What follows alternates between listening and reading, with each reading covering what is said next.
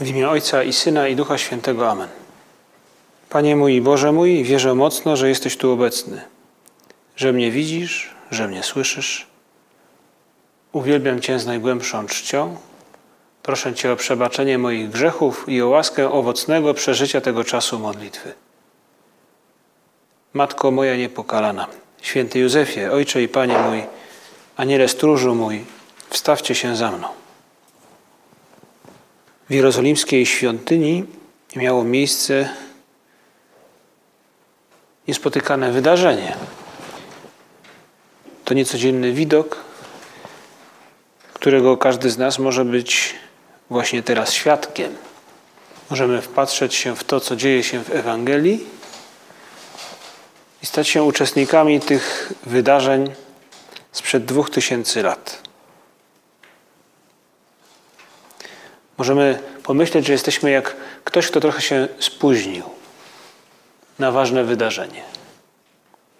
I widzimy tylko jakby końcówkę tego, co się, co się działo, i, i może dlatego pytamy ludzi, którzy tam w tej świątyni się gromadzą i może patrzą, pewnie z oddali, z jakimś zadziwieniem, pytamy o co chodzi.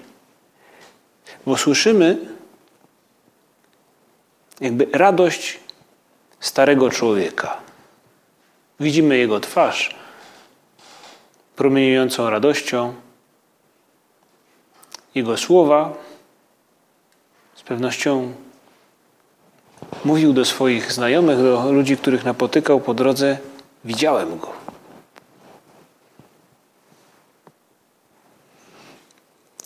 Tak wpatrujemy się w rozradowaną twarz Symeona. On widział i trzymał w swoich ramionach Mesjasza. Tego, na którego sam czekał i tego, na którego czekały pokolenia Izraela. I dzisiaj, razem z całym Kościołem, właśnie to wydarzenie chcemy kontemplować, chcemy mu się przyjrzeć, chcemy być tam. Może właśnie ktoś taki, kto widział tylko końcówkę może jak ktoś, kto się spóźnił. I dlatego chcemy tę naszą rozmowę z Chrystusem, tę modlitwę, rozważanie poświęcić właśnie tej tajemnicy, którą, którą Kościół przypomina nam w liturgii, tajemnicę ofiarowania Jezusa Chrystusa. Żeby jakby przypomnieć sobie, czy może właśnie zobaczyć to, co jak gdybyśmy no, stracili, przy, przychodząc z opóźnieniem. Teraz, o Panie, mówi Symeon, teraz, o Władco, pozwól odejść cudze Twemu w pokoju według Twojego słowa, bo moje oczy ujrzały Twoje zbawienie.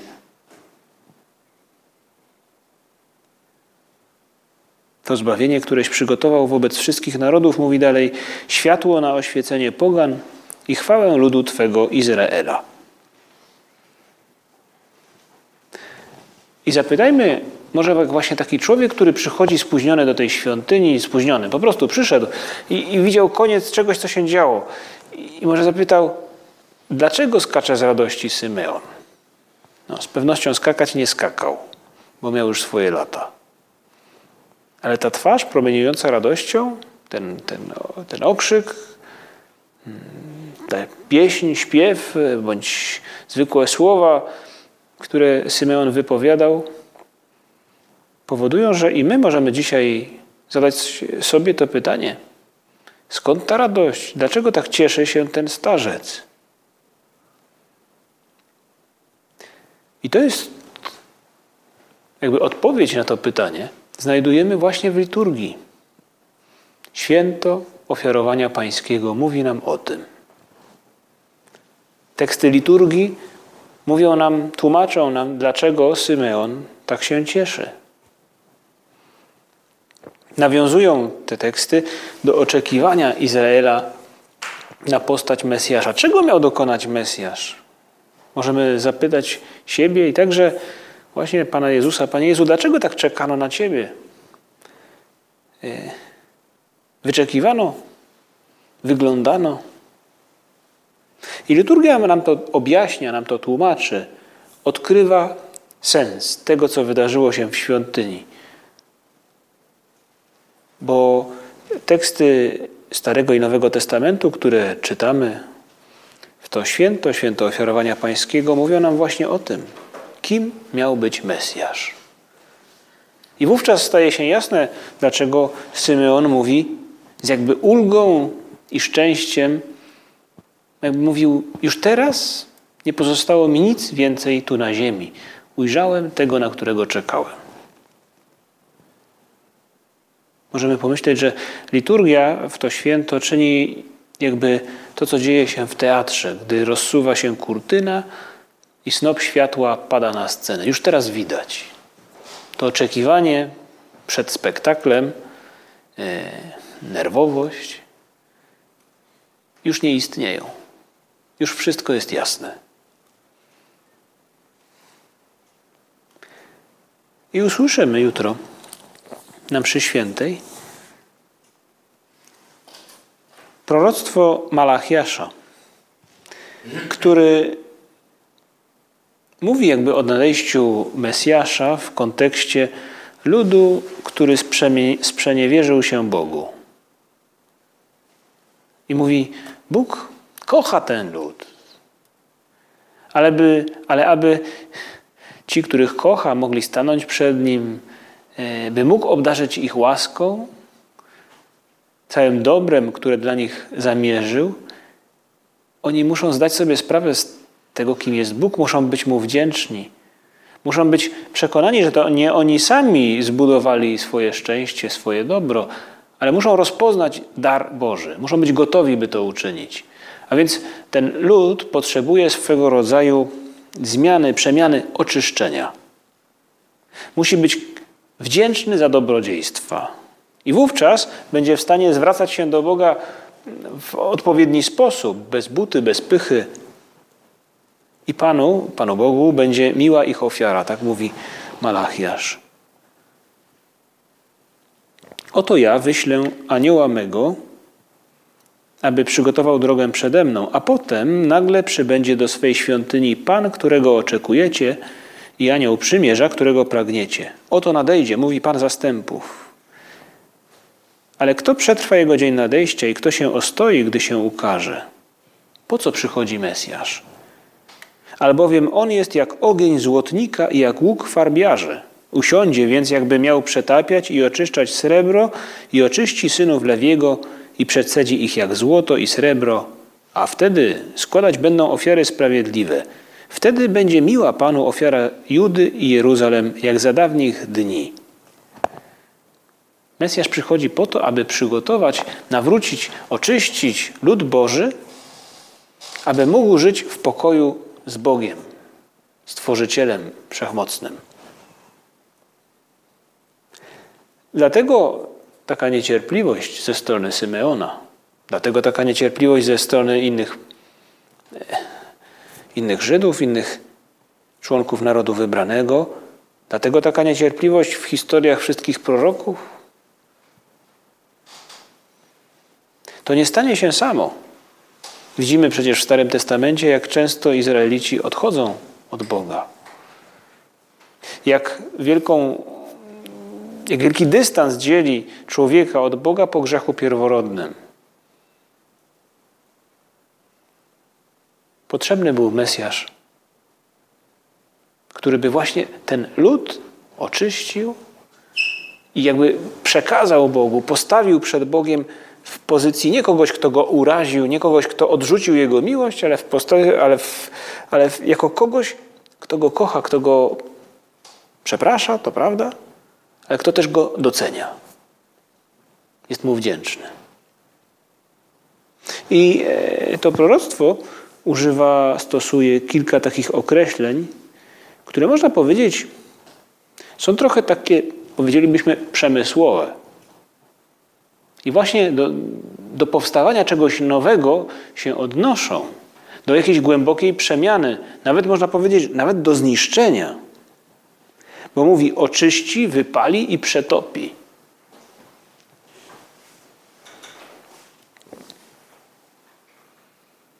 Wypali. Mesjasz miał pokonać grzech. Każdy z nas doświadcza swoich ograniczeń, grzechów. Możemy pomyśleć, jak beznadziejna sytuacja człowieka, który jest z tym wszystkim sam. Jezus Chrystus, jako Mesjasz, przyszedł po to, aby w tej sytuacji, jakby zagrożeń ze strony grzechu, towarzyszyła nam Jego łaska, która nie towarzyszyła człowiekowi, zanim Mesjasz pojawił się na tym świecie. I ta zapowiedź, że Mesjasz wypali, usiądzie więc jakby miał przetapiać i czyszczać srebro, oczyści synów Lewiego, przecedzi ich jak złoto. On jest jak ogień złotnika, jak łuk farbiarzy. Ta e, jakby zapowiedź odnosi się do tego wszystkiego, z czym Jezus Chrystus walczy, co pokonuje i odnosi się także do naszego życia. Jeśli chcesz stanąć przed Bogiem, jeśli chcesz móc liczyć na Jego, na Jego łaskę, na Jego moc, na Jego siłę, towarzysz Chrystusowi w tej walce. Jeśli chcesz być wśród tych, którzy są Bogu wdzięczni za to, co Mu daje, co, co Bóg e, im daje, wówczas walcz. Staraj się pokonać razem z Chrystusem grzech w Twoim życiu. To wszystko, co Ciebie zniewala. To wszystko, co jest niekompatybilne z życiem w Królestwie Bożym. To po to przyszedł Mesjasz, aby ta walka stała się walką możliwą. Święty Paweł mówi bardzo mocno o grzechu. Mówi, grzech, człowiek, który jakby żyje w grzechu, który z niego nie chce się nawrócić, nie ma dostępu do życia razem z Bogiem. Mówi tak, czyż nie wiecie, że niesprawiedliwi nie posiądą Królestwa Bożego? Nie łudźcie się. Ani rozpustnicy, ani bałwochwalcy, ani cudzołożnicy, ani rozwięźli, ani mężczyźni współżyjący ze sobą, ani złodzieje, ani chciwi, ani pijacy, ani oszczercy, ani zdziercy nie odziedziczą Królestwa Bożego. A takimi byli niektórzy z was. Lecz zostaliście obmyci, uświęceni i usprawiedliwieni w imię Pana naszego Jezusa Chrystusa przez Ducha Boga naszego. A więc, Panie Jezu, Ty przyszedłeś właśnie po to, i to Twoje ukazanie się w świątyni y, Symeonowi, Annie, ma właśnie taki smak. Ta radość wynika właśnie z tego. Oni jakby zdają sobie sprawę, że właśnie już teraz pomoc Boża jest dla nich. Już, już ją widzą. Że zwycięstwo nad tym, co zniewala, już teraz, już za chwilę, po, po męce Chrystusa na krzyżu, ale już za chwilę będzie możliwe. Święty Josemaria mówił o tej chrześcijańskiej walce z grzechem e, w następujący sposób. Świat, szatan i twoje ciało to awanturnicy wykorzystujący słabość dzikusa, którego nosisz w sobie. Chcą, abyś za bezwartościową błyskotkę jakiejś przyjemności oddał im szczere złoto i perły, i diamenty, i rubiny przesiąknięte żywą i odkupieńczą krwią Twojego Boga, które są ceną i skarbem Twojej wieczności. Mówi święty Josemaria o awanturnikach w nas. A to są właśnie te różnego rodzaju nieuporządkowane emocje, porywy, popędy, niezgodne z naszym rozumem, niezgodne z miłością wobec innych i wobec Boga. Bez łaski nie da się wygrać z nimi. I właśnie Mesjasz daje nam tę łaskę. Łaskę, by wygrać z różnymi awanturnikami. Możemy pomyśleć sobie, może to takie trochę no nawet i śmieszne, prawda, że właśnie nie wiem, czy dzisiaj jeszcze są awanturnicy.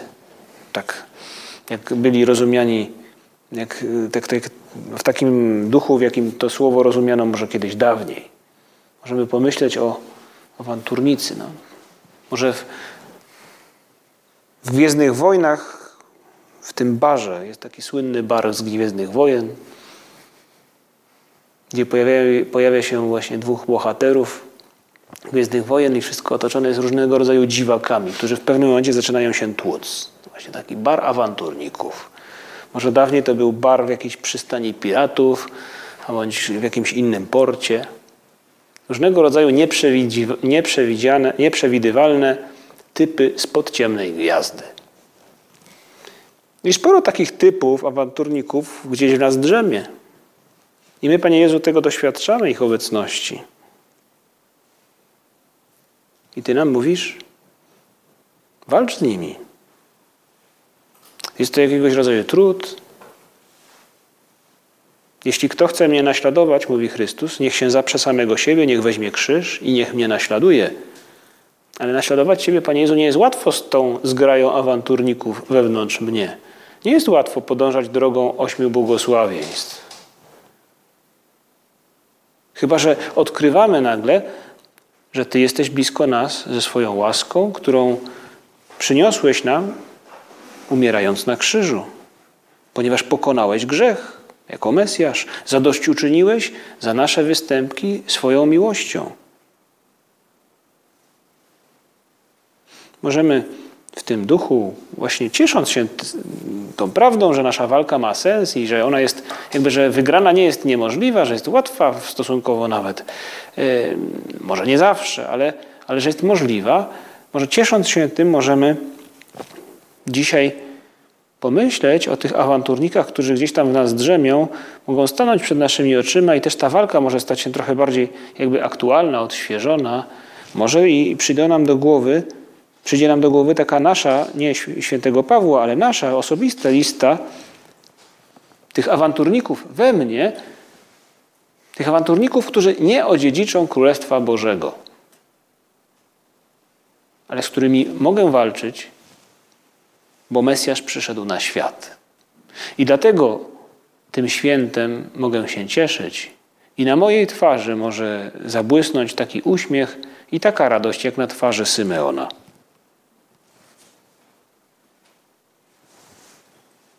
Ale Mesjasz nie pojawia się tylko po to, aby, aby walczyć, aby pokonać grzech, ale także po to, aby oczyścić, oczyścić naród wybrany, lud Boży, którego jesteśmy częścią.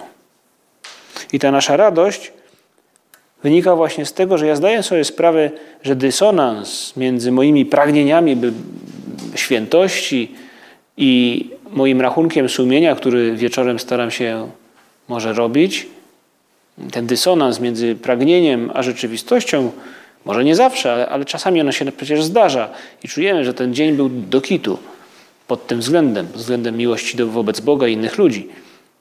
Ten dysonans ma rozwiązanie pozytywne, ma happy end, bo Chrystus przychodzi, aby nas oczyścić, aby nam pomóc w tych walkach. A więc ten obraz taki jakby przemysłowy kogoś, kto przemienia, kto przetapia, kto tworzy coś nowego, odnosi się do naszej duszy. My jesteśmy nowym stworzeniem dzięki Mesjaszowi. Nie jesteśmy w tych samych blokach startowych, co ludzie Starego Testamentu. I jakże pięknie brzmią te słowa w Ewangelii, słowa ludzi, którzy potrzebują pomocy Chrystusa i którzy mówią: Jeśli chcesz, możesz mnie oczyścić. Chcę, bądź oczyszczony, usłyszał ów człowiek, ów trędowaty. Jakby prosił Chrystusa: Daj mi część miłości, Twojej miłości, żebym mógł się zmieniać dzięki niej, żebym mógł stać się właśnie czysty. W jego przypadku chodziło o jakby tę czystość od trądu, a w naszym przypadku możemy powiedzieć: pomóż mi stać się coraz bardziej, mocniej tą, tym nowym stworzeniem, kimś, kogo władze nakierowane są na to, by kochać i nie samego siebie przecież, lecz Ciebie i innych ludzi, Panie Jezu. Jeśli chcesz, możesz mnie oczyścić. Tak, dzięki działaniu Mesjasza, Chrystusa, chrześcijanin staje się kimś innym.